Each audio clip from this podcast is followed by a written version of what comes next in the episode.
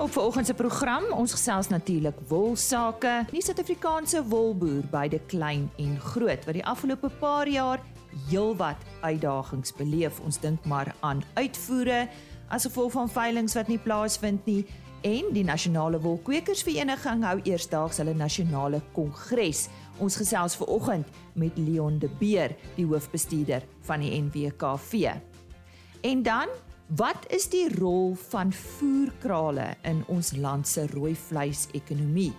Dr. W.A. Lombard van Universiteit van die Vrystaat fokus daarop. Hartlike goeiemôre van my Elise Roberts. Ek vertrou jou lang naweek was uh, goed. Baie welkom by vandag se program. Die veeplaas is tans op winkelrakke beskikbaar en kom ons hoor waaroor jy kan lees in die Mei uitgawe. Kom ons sluit aan by die redakteur, professor Frikkie Marie. Dankie Liza. Soos genoem is die Mei maand uitgawe van veeplaas op die rakke en in hierdie uitgawe fokus ons op presisieboerdery. Die hoofartikel van die boek handel dan ook oor presisieboerdery vir veeproduksie en wat tans beskikbaar is om dit te dryf. Ander interessante artikel is die klimaatslim ambassadeur vir 2022 kompetisie waar die finaliste in die uitgawe aangekondig word in die rooibly vleisbedryf artikel oor die Simbras wat in soet en suurveld gedei en onder die veeselbedryf 'n proef oor Angora voeding wat gedoen is en om te wys hoe ekstra voeding ook dividende lewer. Onder suiwelbedryf kyk ons na of een keer per dag melking regtig moeite werd is en in die wildbedryf afdeling fokus ons bietjie op maltsiekte. Die presisie tema word ook deurgetrek na voer en weidings toe en ons kyk na presisie voeding vir winsgewende vleisbeeste onder die in die afdeling en dan ook artikels oor minerale aanvullings vir skape in die winter en presisie kuilvoer of dit net vir kuilvoerreuse of kan 'n kleiner produsent ook daaraan deelneem onder genetika en veehantering 'n interessante artikel oor hoe jy speenskok by skaap en boklammers stem en dan paartydwenke en lamseisoen voorbereiding. By dieregesondheid kyk ons na antimikrobiese weerstand en dan ook lamsiekte. Onder plaasbestuur 'n artikel oor vee-identifikasie en presisieboerdery en dan vakbonde en stakings wat jy daarvan moet weet Lisa is weer eens 'n tydskrif vol nuttige inligting reg vir hierdie tyd van die jaar. Professor Frikkie Marie wat vandag vir ons vertel het waaroor jy kan lees in die Mei uitgawe van Veeplaas. Dr. W. Lombard van die Departement Landbou Ekonomie by Universiteit van die Vrystaat is volgende aan die woord. Ek het vroeër met hom gesels oor die rol van voerkrale in die totale rooi vleis ekonomie. WA Eerstens, hoe groot rol speel die rooi vleisbedryf in Suid-Afrika? Die landboubedryf in Suid-Afrika maak gewoonlik so rondom 2% van die land se BBP uit. Daar as mens nou binne in die syfers gaan rondkrap, binne in die landbou syfers spesifiek, dan sien ons dat diereprodukte wat dan nou, ek wil sê rooi vleis en eiers en melk en alles insluit, so wat 45% van daai totale landbouwaarde uitmaak as dit sin maak. Ehm um, nou daai syfer het so 'n bietjie afgeneem in die laaste paar jaar, maar hy's jy kan so sê tussen 45 en 50% van die totale waarde van alle landbouprodukte. Dan binne-in diereprodukte self, as ons kyk na die waarde van beeste en kalvers wat geslag word, is dit 26% wat dit gewoonlik uitmaak met uh, skape en bokke dan nou saam wat geslag is wat 'n verdere 5% tot daai waarde bydra. So hoeveel diere word daar jaarliks in Suid-Afrika vir vleis geslag? Volgens die kort begrip van landbou statistiek vir Suid-Afrika is daar in die jaar 2019-2020 eerstens was daar so wat 12.3 miljoen beeste in die land. Dit is hulle um, bepaling gewees. En dan in daai jaar het ons 3.2 miljoen beeste geslag op op 'n jaar grondslag. En dan in terme van produksie het dit so is dit so 1.08 miljoen ton beesvleis wat ons geproduseer het. En dan was ons ook in die laaste paar jare netto uitvoerder van beesvleis. En as mens nou kyk binne in die in die slag tendense sien ons dat daar gewoonlik meeste jare 'n stygings is oor paastyd en dan nou ook natuurlik soos ons uh, nader aan Kerstyd met vir daai Kersmark kom, dan styg die die slaggetalle. In terme van die skape en die bokke het Suid-Afrika in 2019 2020 se jaar het hulle geskat dat daar so 18.9 miljoen skape in die land was en so 1.7 miljoen bokke. Nou ek moet net noem maar dit spesifiek uh, verwys na die kommersiële getalle. Daar is ongelukkig nie volgens uh, my kennis akkurate uh, bepalinge of skattings vir opkomende die opkomende mark gemaak nie. Dan as ons kyk in 'n jaar word daar so 6.4 miljoen skape en bokke is nou gesamentlik geslag en ons plaaslike produksie is gewoonlik so rondom 117 000 ton en ons is gewoonlik 'n effense van 'n netto invoerder daar. Hoekom is voerkrale so belangrik vir ons landbousektor? Daar's 'n paar redes. Eerstens, dit skep nogal 'n hele klomp werksgeleenthede. So hulle skat daar's rowweg 100 kommersiële voerkrale in die land wat werk gee vir so rowweg 5000 mense. Dan hierdie 100 voerkrale sluit dan nou aan by so 430 abattoirs. Nou die abattoirs word dan nou gebruik om alle skape, bokke en beeste te slag en en hulle is reg oor die land versprei. Nou hulle het ook dan nou gaan skat dat die die totale beesbedryf ehm um, of laat ek dit andersom stel, daar's so 2 miljoen mense wat se lewens op die beesbedryf geskoei is. So dis 'n al, al lyk dit soos 'n klein skakel in die groter waardeketting. Ek bedoel sonder hom sou baie ander um, skakels aan nou platval.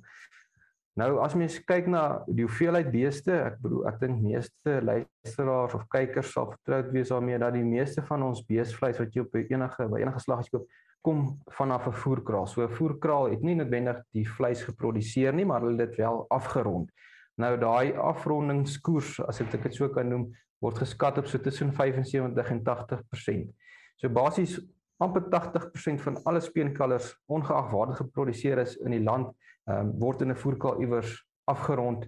Ehm um, weet voor dan na 'n abattoir toe gestuur word en die abattoir lewer dan nou aan 'n slaghuis of of of direk aan 'n 'n handelaar as dit dan nou so sal wees.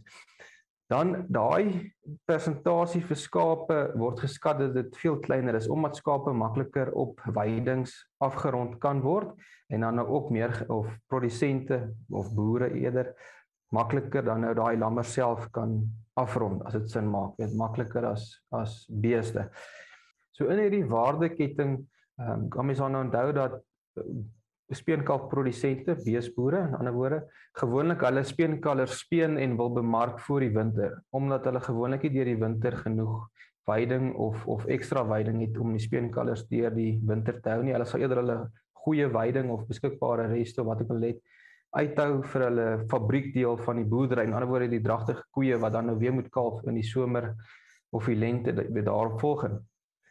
Nou daarso is dan nou 'n probleem. Wat gebeur dan nou by daai speenkalvers as daar nie 'n mark is nie? Nou dis waar voerkrale 'n baie belangrike rol in die mark vul want hulle koop dan nou kalvers. Ek wil sê hulle koop reg deur die jaar, party van hulle background langer, hulle laat daai goed dan nou. Hulle het reste wat hulle uithou of voer of wat ook al. Ehm um, en en en en hulle kan dit basies die die aanbod aan die mark spasieer om seker te maak as reg deur die jaar dan nou voldoende karkasse en en beesvleis. Ehm um, waar ek dink die die probleem is ooglopend as ons net een keer 'n jaar speenkalvers of meeste van ons speenkalvers bemark het, sou daai aanbod na die mark toe nie so egale gewees het nie. Dan moet mense ook in ag neem dat dit nie so maklik is om om beeste op van die veld af af te rond en dan nou te bemark nie. Ons sou sien dat daar 'n sekere seisoene meer of of meer karkasse beskikbaar sou wees. So daar's ook dan 'n uitdaging. So daarso is een groot of belangrike funksie van voerkrale. Hulle ek wil sê hulle hulle hulle weet ook al min of meer watter tye van die jaar meer en minder beesvleis um, nodig is en hulle posisioneer dan nou produksie so. So en hulle doen dit deur backgrounding en ensovoorts en dan natuurlik ook daai ons het al klaar gepraat oor die verhoog die die stygings in verbruik gedurende Paasnaweek en Kersfees en hulle maak seker dat hulle dan meer karkasse in daai tyd beskikbaar het. Dan 'n ander belangrike funksie is dan natuurlik ook stabiliteit wat voerkrale bied in die eh, of, of verseker in die mark. Nou alhoewel die voerkraal getalle baie minder is as die kommersiële uh, speenkalfprodusente is daar nog steeds genoeg in my opinie om 'n regverdige en 'n uh, vrye handel of of toestande van perfekte kompetisie te verseker of so naby soos wat dit kan wees in elk geval. So een koper met ander woorde 'n voerkraal wat speenkars koop sal nie sommer die prys kan beïnvloed nie. Dis hoogs onwaarskynlik. Ehm um, ja, en as ek sê daar's natuurlik 'n hele klomp kopers. So dit is vir produsente dan nou ook baie maklik om hulle produk, hulle kalvers of lammers dan nou in in 'n uh, um, geld om te sit en daar's verskeie bemarkingskanale. Um, hulle kan na die weekveilings toe gaan of hulle kan 'n agent 'n voerkraal agent bel en sê hy het um, kalvers beskikbaar of natuurlik hierdie agente wat tussen verskillende voerkrale beweeg. So ek wil sê daar is baie opsies. Dis 'n gerieflike plek om te wees waar jy kan maklik verkoop. Ek weet mense is nie altyd gelukkig oor die prys nie en hulle moet dan nou ook onthou dat 'n voerkraal is ook maar 'n besigheid. Soos hy sien sy insette mielies meeste van die tyd en en ander grane raak duurder um, en hy het net 'n sekere marge dan kan hy nie anders as om sy aankoopprys vir speenkalvers te te laat daal nie. Ons weet dan ook dat in die laaste tyd voerkrale aanhou speenkalvers aangekoop het en hulle afrond teen 'n verlies. Ehm um, so mense kan eintlik vir hulle dankie sê daarvoor, maar aan die ander kant moet hulle aanhou om hierdie kalvers af te rond want hulle het weer kopers, hulle het weer abattoirs en slaghuise ensovoorts wat uh, nie meer kan ophou. Hulle kan basies nie ophou hardloop nie. Ehm um, en so ons moet eintlik vir hulle dankie sê van van primêre produsente se kant af en natuurlik van die verbruiker se kant af want hulle maak seker dat daar genoeg vleis beskikbaar is. 'n Ander ding wat die voerkrale ook 'n groot rol by speel is um, ons het dit gesien met die vorige back and closure uitbraak was het van hierdie ouens het nog steeds reg gekry om uitvoere aan die gang te hou. Nou daai was nie as gevolg van primêre produsente nie. Dit was onderhandelinge en waarborge wat voerkrale en natuurlik abattoirs in plek kon sit om die oorseese kopers baie gemoedsrus te gee om te sê hulle produk is veilig. Hulle kan aanhou uitvoer ongeag van of van nou iewers in die land 'n aktiewe back and closure uitbraak is of was. Soos in enige bedryf is daar voor- en nadele. So wat is die voor- en nadele van voerkrale?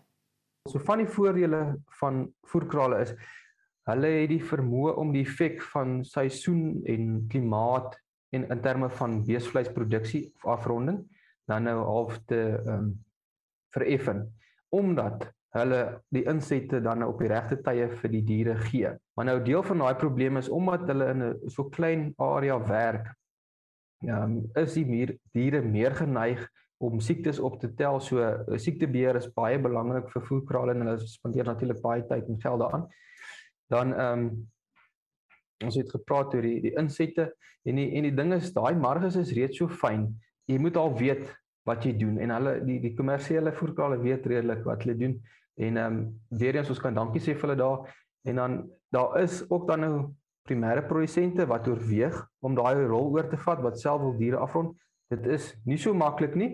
Ehm um, ek wil sê jy gaan naak jou vingers brand maak mooi somme en oorweeg van hierdie aspekte natuurlik ook die ander goeders weet area spesifieke um, aspekte hoe weet hoe ver is jy aan 'n abattoir of 'n mark voordat jy daai besluit dan nou sal maak. Dit was dan Dr. W.A. Lombard van die Departement Landbou Ekonomie aan Universiteit van die Vrystaat wat vandag met ons gesels het oor die rol van voerkrale in ons land se rooi vleis ekonomie. Ons het uh, lanklaas op RC Landbou met Leon de Beer van die Nasionale Wolkwekersvereniging gesels. Nou hulle hou in Junie maand, 1 en 2 Junie, hulle nasionale kongres. Maar uh, ons gaan eers so 'n bietjie oor algemene 'n wolboer sake gesels. Ja Leon, nou voor ons oor julle kongres gesels, soos ek gesê het, ons het regtig lanklaas met jou gesels. Hoe gaan dit met die wolboer in Suid-Afrika? En ons praat hier van groot en klein. Goeiemôre. Goeiemôre Lize. Ja, baie dankie. Lanklaas met julle gesels, maar ja, dis lekker om weer weer met RSG en RSG Landbou te gesels. Uh die wolbedryf, dit gaan eintlik relatief goed, maar soos meeste mense seker weet, uh, het die jongste uitbrake van back and closure deesdae in vyf provinsies vir ons groot hoofbrekings besorg. Uh, dit het uit die aard van die saak 'n baie groot invloed op ons uitvoere veral na China. Uh verlede seisoen het ons amper 80% van ons keersel na China toe uitgevoer. So die feit dat China die markte gesluit het en enige produkte van gesplete hoefdiere nie meer so toe uitgevoer kan word nie, het uit die aard van die saak ook 'n invloed op wol. En uh, ja, soos almal dalk weet, is in 2019 net die wolbedryf reeds 'n protokol met die Chinese owerhede onderhandel waarby ons wol kan uitvoer wat er onder sekere temperatuurtoestande na skeer en uh, stoortyd in die in die makelaar se store uitgevoer kan word. En uh, dit is omtrent by 18 grade Celsius wat wol na 4 weke uitgevoer kan word volgens hulle riglyne. Ons het ons fasiliteite geregistreer uh, en dit is goedgekeur wat temperature gemeet word en nou skielik het hierdie verbod vir ons groot hoofbrekens besorg.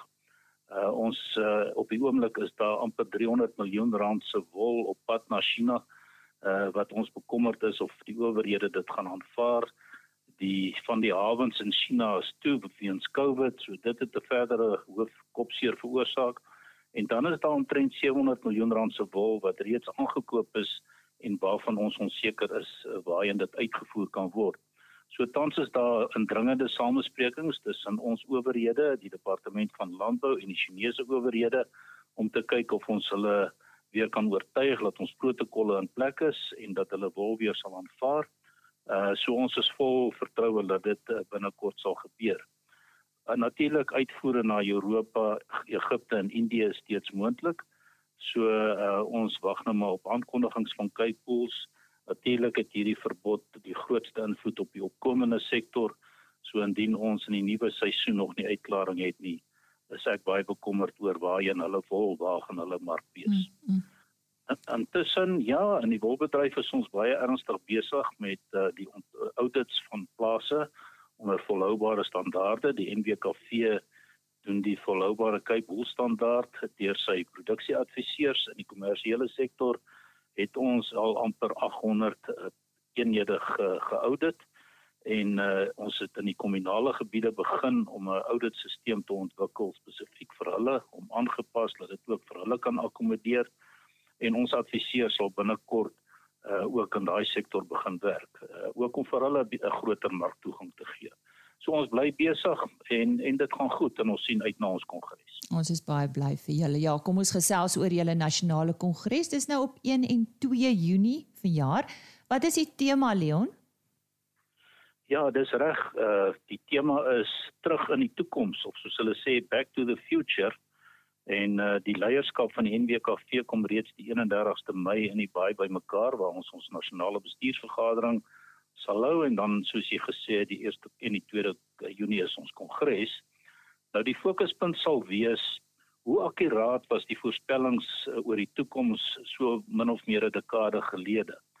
Uh jy weet die, die toestande, omstandighede het effens verander. Is dit hoe hoe lyk dit teenoor 'n dekade gelede en hoe akkuraat was die voorspellings?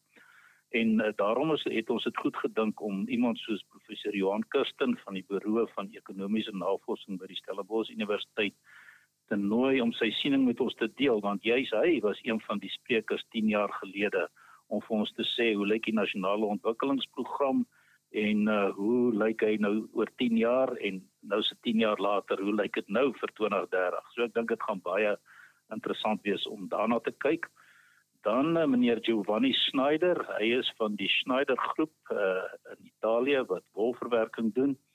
Hy gaan kyk na internasionale markte en die volhoubare sertifisering van materiale en kledingstukke. Uh en hulle gaan virtueel deelneem uit Italië.